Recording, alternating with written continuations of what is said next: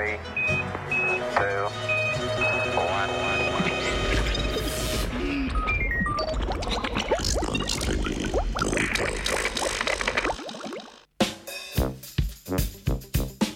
Plašč nevidnosti.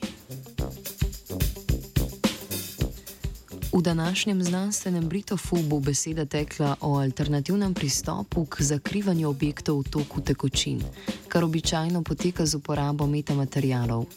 Njihova izdelava je zelo kompleksna, uporaba pa omejena na zakrivanje majhnih ovir. Singapurska raziskovalna skupina je v reviji National Science Review objavila preprostejši pristop k prekrivanju ovir, ki temelji na prilagajanju oblike kanalov tekočine.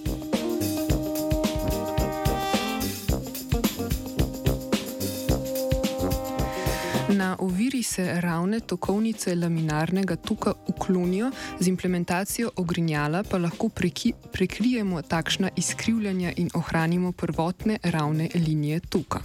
Znanstvena skupina je pripravila za dlan velik, a zgolj pol centimetra plitev pretočni kanal, v katerega so postavili cilindrično okviro oziroma oviro s polmerom 8 mm. Okoli cilindra so kanal poglobili in tako ustvarili ogrinjalo, ki tok vodi okoli ovire, ne da bi ta zmotila tokovnice izven poglobljenega območja. Na območju ogrinjala je hitrost pretoka tekočine večja bližje oviri in manjša dlje od nje. Po prehodu ogrinjala se tekočina vrne na prvotno pot, kot da ovire ne bi bilo.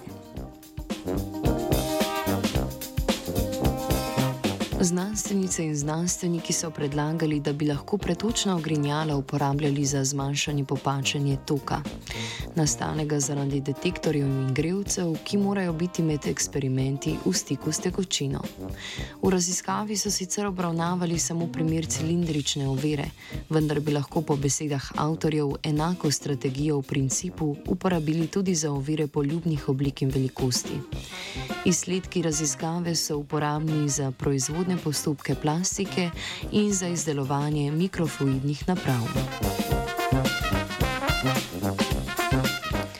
V plašč nevidnosti se je odel vajenec Max.